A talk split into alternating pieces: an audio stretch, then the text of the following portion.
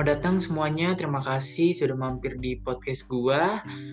Oke, sebelumnya perkenalan dulu gua Aldo Fredo Purba.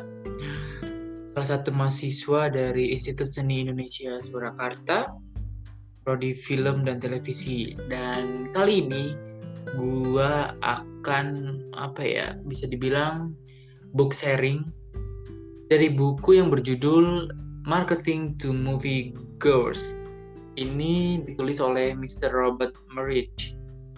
Gue nggak tahu cara baca Merritt atau gimana. Oke, okay.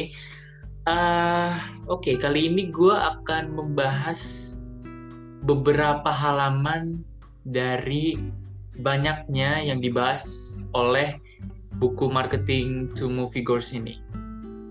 Oke, langsung aja. Uh, lebih spesifiknya, uh, kita akan membahas iklan iklan di uh, Amerika Serikat. Oke. Okay. Banyak sekali media-media yang bisa digunakan untuk beriklan. Uh, antara lain ada uh, koran, majalah, uh, radio, hmm, podcast juga bisa, uh, televisi, dan uh, tentunya uh, media yang paling efektif menurut uh, buku ini adalah tentunya media televisi. Karena media televisi ini di uh, Amerika Serikat adalah media yang paling populer uh, dengan pemasar film karena iklan televisi memberikan video dan audio. Jadi uh, paket lengkap lah gitu kan. Kalau di majalah atau di koran radio kita cuma bisa baca tulisan uh, visual gitu tanpa ada audionya. Uh, kita dengerin radio cuma dengerin audionya tanpa visualnya. Dan di televisi ini uh, menawarkan dua paket itu uh, video dan audio. Nah uh, meskipun uh, media televisi ini bisa dibilang hmm, cukup mahal ya untuk kita bisa memasarkan iklan kita gitu. Karena uh, frekuensi dari TV ini cukup luas. Uh, di buku ini juga uh, dijelaskan kalau TV itu menarik karena uh, rumah tangga di Amerika Serikat rata-rata menonton TV 8 jam 18 menit per hari. Bayangin 8 jam 18 menit per hari. Berarti uh, media televisi itu uh, adalah media yang paling banyak digunakan oleh masyarakat di Amerika Serikat gitu. Ini menurut menurut Nielsen Media. Nielsen Media uh, bagi yang belum tahu adalah uh, sebuah company yang menyediakan para kliennya informasi berharga tentang perilaku konsumen dan informasi pemasaran gitu. Jadi emang company ini uh,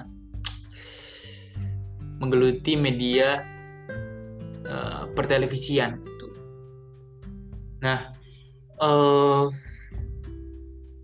biaya untuk kita para pemasar untuk bisa beriklan di televisi itu yang gue udah bilang tadi itu cukup mahal gitu karena untuk iklan 30 detik saja dalam sebuah program uh, televisi gitu bisa mencapai kisaran 250 ribu dolar. Nah, ini harga-harga ini uh, bervariasi gitu ya tergantung jumlah penonton.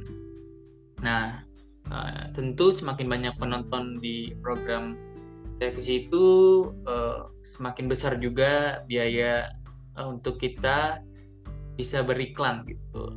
Nah, ini biaya 250 ribu dolar ini untuk pemirsa atau penonton program televisi sekitar 12,5 juta pemirsa.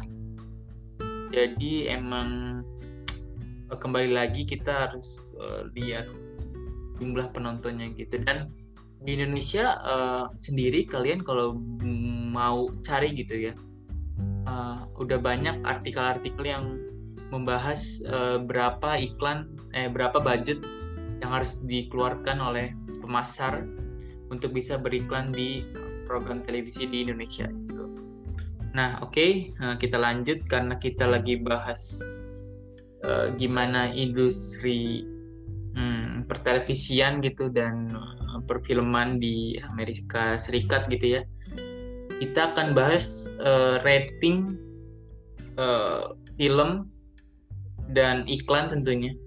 Uh, karena ini karena dua ini juga disiarkan di televisi, tentu kita uh, tentu uh, perlu juga klasifikasi uh, umur gitu itu nggak uh, bisa sembarang iklan gitu ya karena uh, iklan juga punya uh, punya target tertentu yang nggak nggak semua umur bisa melihat iklan gitu.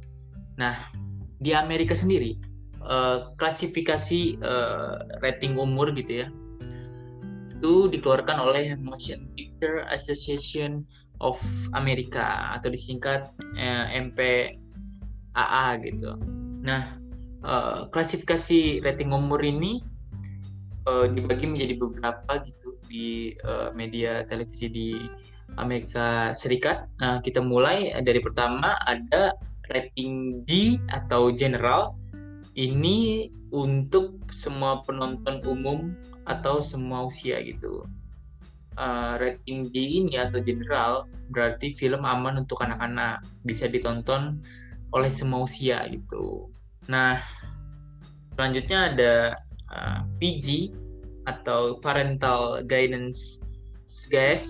Ini perlu bimbingan orang tua. Uh, film dengan rating PG memerlukan pendampingan orang tua karena ada konten yang dinilai tidak cocok untuk anak-anak. Selanjutnya ada PG-13.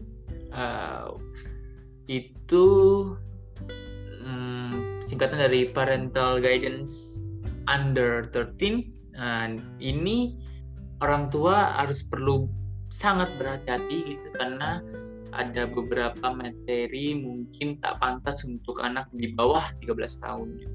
Selanjutnya ada R, restricted atau terbatas. Nah, ini anak-anak berusia di bawah 17 tahun membutuhkan pendampingan orang tua atau orang dewasa atau orang dewasa saat menyaksikannya gitu. Terakhir ada NC 17 atau no one under 17 uh, bisa dibilang ini 17 tahun atau di bawah 17 tahun tidak diperbolehkan untuk menonton siaran film atau iklan itu. Nah, film dengan kategori ini dianggap terlalu dewasa untuk disaksikan anak-anak. Nah, kalau untuk di Indonesia sendiri, uh, tentu hmm, kalian juga bisa cari ya. Ada SU, ada hmm, 13 plus, 17 plus dan lain-lain.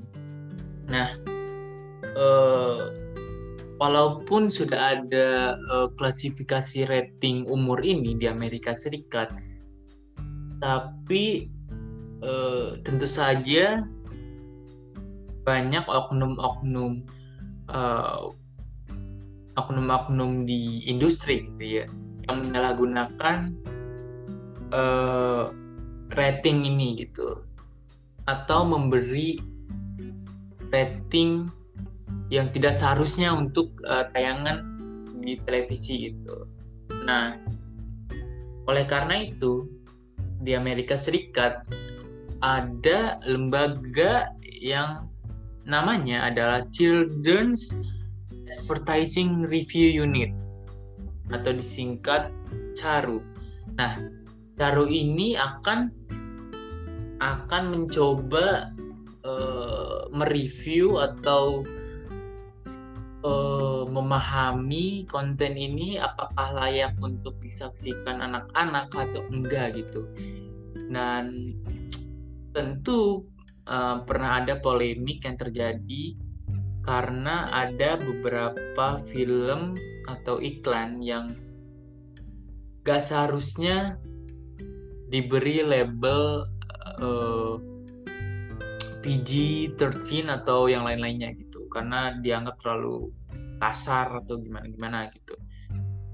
Dan uh, Caru ini tadi lembaga tadi uh, akan memeriksa uh, kontennya dan tentu akan melaporkan atau membicarakan tentang hal itu pada Motion Picture Association of American ini gitu. Jadi mereka akan bekerja sama menentukan apakah konten ini layak atau tidak gitu. Tentu ada tentu akan ada pelanggaran jika uh, ada pihak-pihak yang tidak menaati uh, regulasinya gitu. Oke segitu aja yang bisa gue bahas karena tentu untuk membahas uh, media yang besar ini perlu banyak referensi gitu dan literasi tentunya. Oke, uh, terima kasih yang udah dengerin. Bye bye.